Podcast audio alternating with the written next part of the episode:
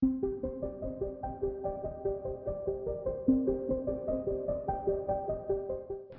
Bapak Ibu Saudara sekalian. Apa kabar? Saya percaya kita semua berada dalam perlindungan Tuhan, kasih karunia Tuhan. Salam dari kami untuk juga setiap jemaat Gereja Pantai Kosta Gunung Hermon dan setiap kita yang mendengarkan firman Tuhan kali ini. Mari Bapak Ibu Saudara sekalian, sebelum kita lebih lanjut lagi untuk mendengar firman Tuhan, belajar dari firman Tuhan, kita akan sama-sama berdoa. Bapak terima kasih untuk kesempatan yang kuberikan pada kami Tuhan. Saat ini kami akan Tuhan menerima firman-Mu ya Tuhan. Bukalah setiap hati kami Tuhan. Bukalah setiap pikiran kami Tuhan. Sehingga kami dapat menangkap firman-Mu Tuhan. Firman-Mu itu dapat tertanam dalam hati kami Tuhan. Dalam pikiran kami Tuhan. Dan firman itu dapat berbuah-buah dalam kehidupan kami Bapa. Dan mampukan kami Roh Kudus untuk menjadi pelaku-pelaku firman-Mu. Terima kasih Bapak, terima kasih. Dalam nama Tuhan Yesus kami sudah pernah mengucap syukur. Haleluya. Amin.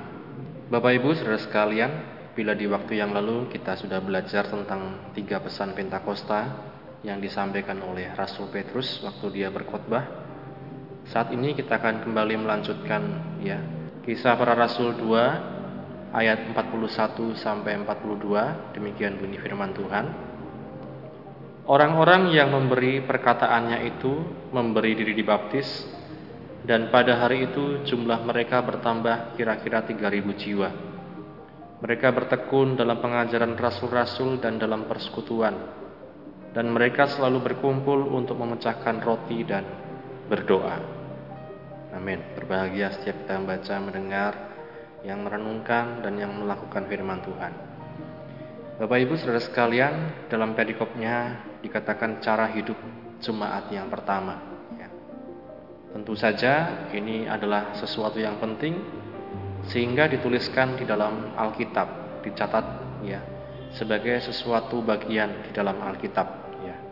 Dikatakan cara hidup jemaat yang pertama itu seperti apa ya.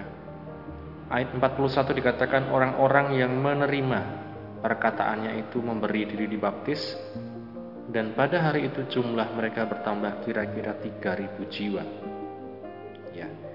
Bapak Ibu Saudara sekalian, bila di bagian sebelumnya dari pasal 2 ini Petrus berkhotbah ya, dia mengajak orang-orang untuk bertobat, untuk percaya kepada Kristus Yesus sebagai Tuhan dan juru selamat ya.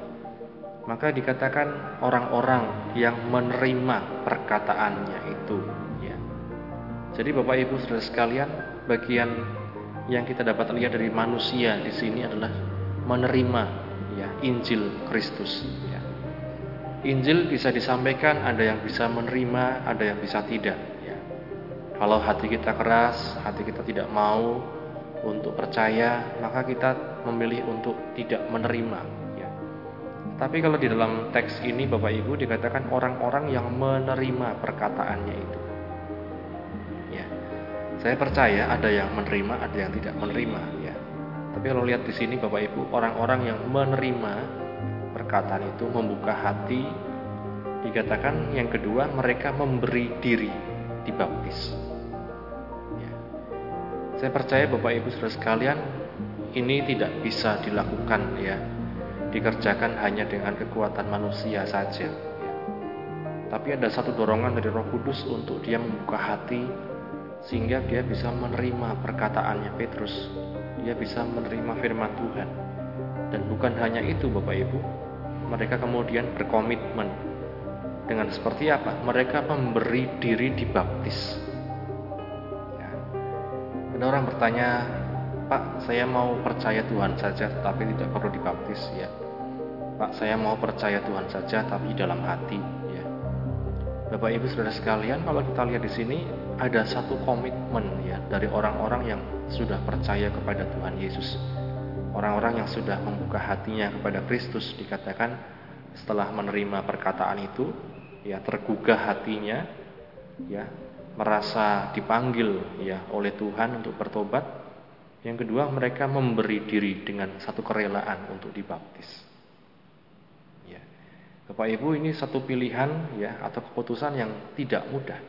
Ini keputusan yang penting dalam kehidupan manusia ketika dia memberi diri ya tanpa dipaksa, tanpa diiming-iming ya. Kalau engkau dibaptis nanti engkau akan diberkati. Kalau nanti dibaptis nanti bisa melayani. Kalau nanti dibaptis artinya sudah besar, tidak anak kecil lagi. Tidak Bapak Ibu Saudara sekalian, ya. Didasari dari satu kerelaan, didasari dari satu kerelaan hati. Setelah menerima dikatakan memberi diri dibaptis. Ini penting ya. Jadi ketika kita dengar firman Tuhan Bapak Ibu pasti ada satu kugahan dalam hati kita. Kita bisa terima, ikuti, kita bisa menolak. Karena apa? Manusia punya kehendak bebas di dalam kehidupannya ya. Satu contoh ya. Kita lihat Bapak Ibu Saudara sekalian, Kisah Para Rasul pasal 26 ayat 26 sampai 28. Demikian bunyi firman Tuhan.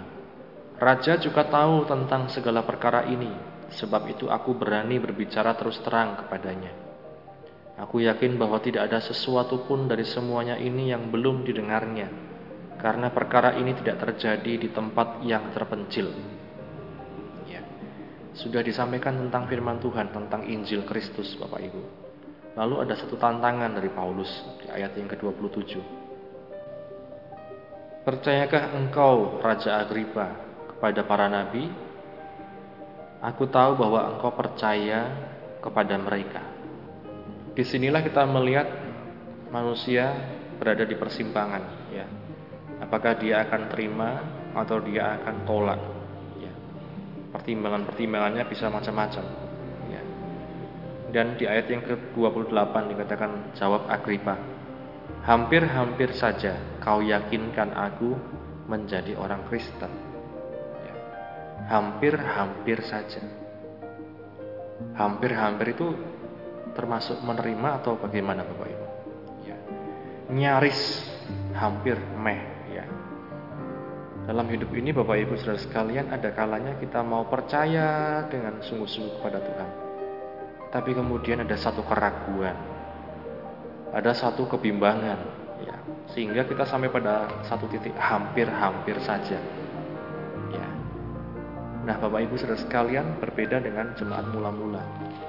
Mereka terima perkataan Petrus, mereka memberi diri dibaptis. Ya. Jadi, baptis itu karena satu kesadaran, kerelaan hati. Kita lanjut dalam kisah para rasul pasal 2 ayat yang ke-42. Demikian bunyi firman Tuhan. Mereka bertekun dalam pengajaran rasul-rasul dan dalam persekutuan dan mereka selalu berkumpul untuk memecahkan roti dan berdoa. Ya. Seringkali orang dapat berkata seperti ini, wah saya tidak mau dengar firman Tuhan, saya tidak mau ikut persekutuan, saya tidak mau ikut ibadah, ya walaupun online saya tidak mau dengar. Ya. Ditanya kenapa? Karena memang belum tergerak dalam hati, ya. karena belum ada gerakan dalam hati. Sepertinya rohani Bapak Ibu Saudara sekalian kata-kata ini Tapi kalau kita kembalikan kepada firman Tuhan Kalau kita lihat dikatakan mereka bertekun ya. Mereka tidak menunggu digerakkan ya. Ayo bertekun Ayo kalau tekun dapat ini dapat itu Ayo kalau tekun nanti usahamu berhasil Pasti sukses doamu dijawab ya, Tidak Mereka bertekun dalam pengajaran rasul-rasul pengajaran berbicara tentang satu firman yang kita teliti dengan sungguh-sungguh, yang kita pelajari dengan sungguh-sungguh. Sehingga itu membuat satu dampak perubahan. Pertama adalah dalam cara berpikir kita. Ya. Dalam hikmat yang diberikan Tuhan. Ada perubahan pasti kalau kita belajar dengan sungguh-sungguh. Tidak hanya baca selesai, tidak hanya baca yang kita suka kemudian selesai. Tidak Bapak Ibu bertekun dalam pengajaran rasul-rasul. Ya, ada langkah-langkah, ada cara-cara yang disampaikan rasul-rasul melalui firman Tuhan. Dan mereka bertekun di dalamnya. Tidak hanya mendengar kemudian melupakannya, ya. Yang kedua dalam persekutuan.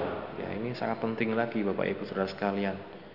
Saat inilah kita diuji bagaimana persekutuan kita dengan Tuhan dan juga dengan saudara seiman, ya. Kalau kita masih belum boleh untuk beribadah di gereja, Adakah kita mengadakan persekutuan, ya, menjaga persekutuan kita dengan Tuhan lewat doa-doa pribadi kita? Kemudian di rumah adakah kita menggelar satu persekutuan doa dengan keluarga kita secara pribadi? Ya. Kemudian secara online kita bersekutu ya lewat firman yang disampaikan, pengajaran yang disampaikan. Apakah kita masih bertekun di dalam persekutuan itu? Ingat selalu kita tidak dapat hidup sendiri ya. Tanpa Tuhan, tanpa orang lain kita tidak bisa hidup sendiri. Jangan kita merasa mampu melakukan semuanya sendiri kemudian kita dengan sombongnya berkata saya tidak perlu orang lain, saya tidak perlu datang ke persekutuan. Itu sesuatu yang salah, ya. Kemudian dikatakan juga mereka selalu berkumpul untuk memecahkan roti, ya. Roti di sini bisa berbicara tentang perjamuan ya yang diadakan perjamuan kudus atau juga perjamuan kasih bersama-sama berbagi, memecahkan roti, ya. Kemudian yang kedua adalah dan untuk berdoa. Ya. Ini Bapak Ibu Saudara sekalian, kesulitan orang sering kali adalah untuk tekun dalam berdoa. Ya. Pengajaran oke, okay, ya. Kemudian bersekutu sama saudara seiman oke. Okay.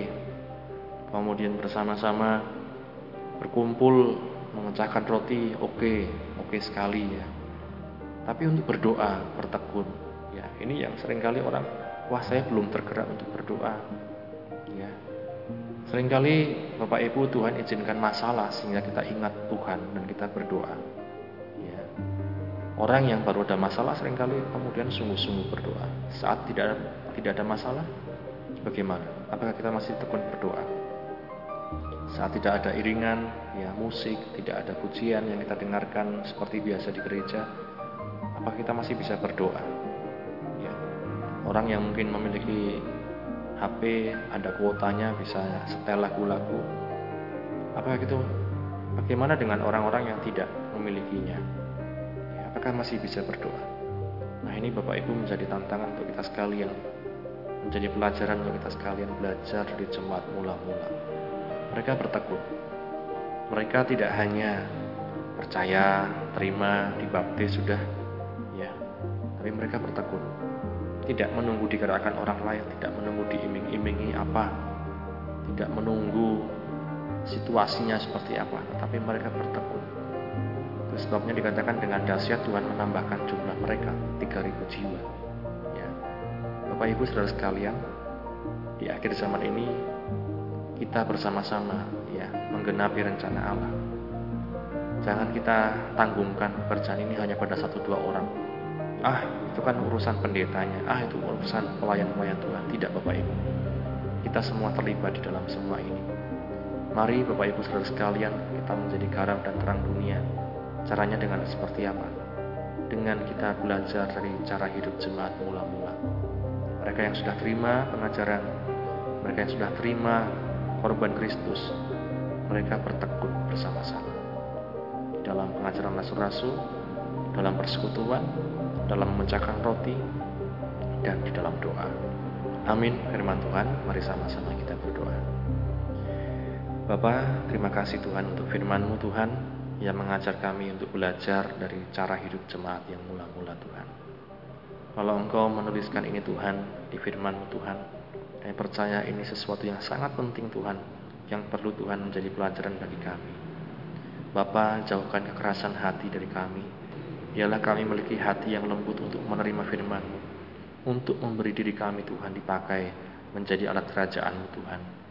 Jauhkan dari kami pikiran-pikiran yang keliru Tuhan, pikiran-pikiran yang disesatkan oleh iblis Tuhan. Pikiran-pikiran yang hanya ingin memuaskan keinginan kami sendiri Tuhan. Mari Bapak, Ajar kami menyadari bahwa kami ini hambamu ya Tuhan. Kami ini hamba-hamba kebenaran Tuhan. Dan karuniakan kepada kami kerinduan ya Tuhan. Untuk lebih lagi kami mau bersekutu dengan Engkau. Untuk lebih lagi kami, mau bersekutu dengan firman. Terima kasih Bapa. Memberkati setiap jemaatmu yang sudah mendengar firman Tuhan di mana pun berada Bapak. Ini Tuhan doa kami. Dalam nama Kristus Yesus yang berdoa. Amin. Puji Tuhan, terima kasih Bapak Ibu Saudara sekalian. Tuhan memberkati kita sekalian. Amin.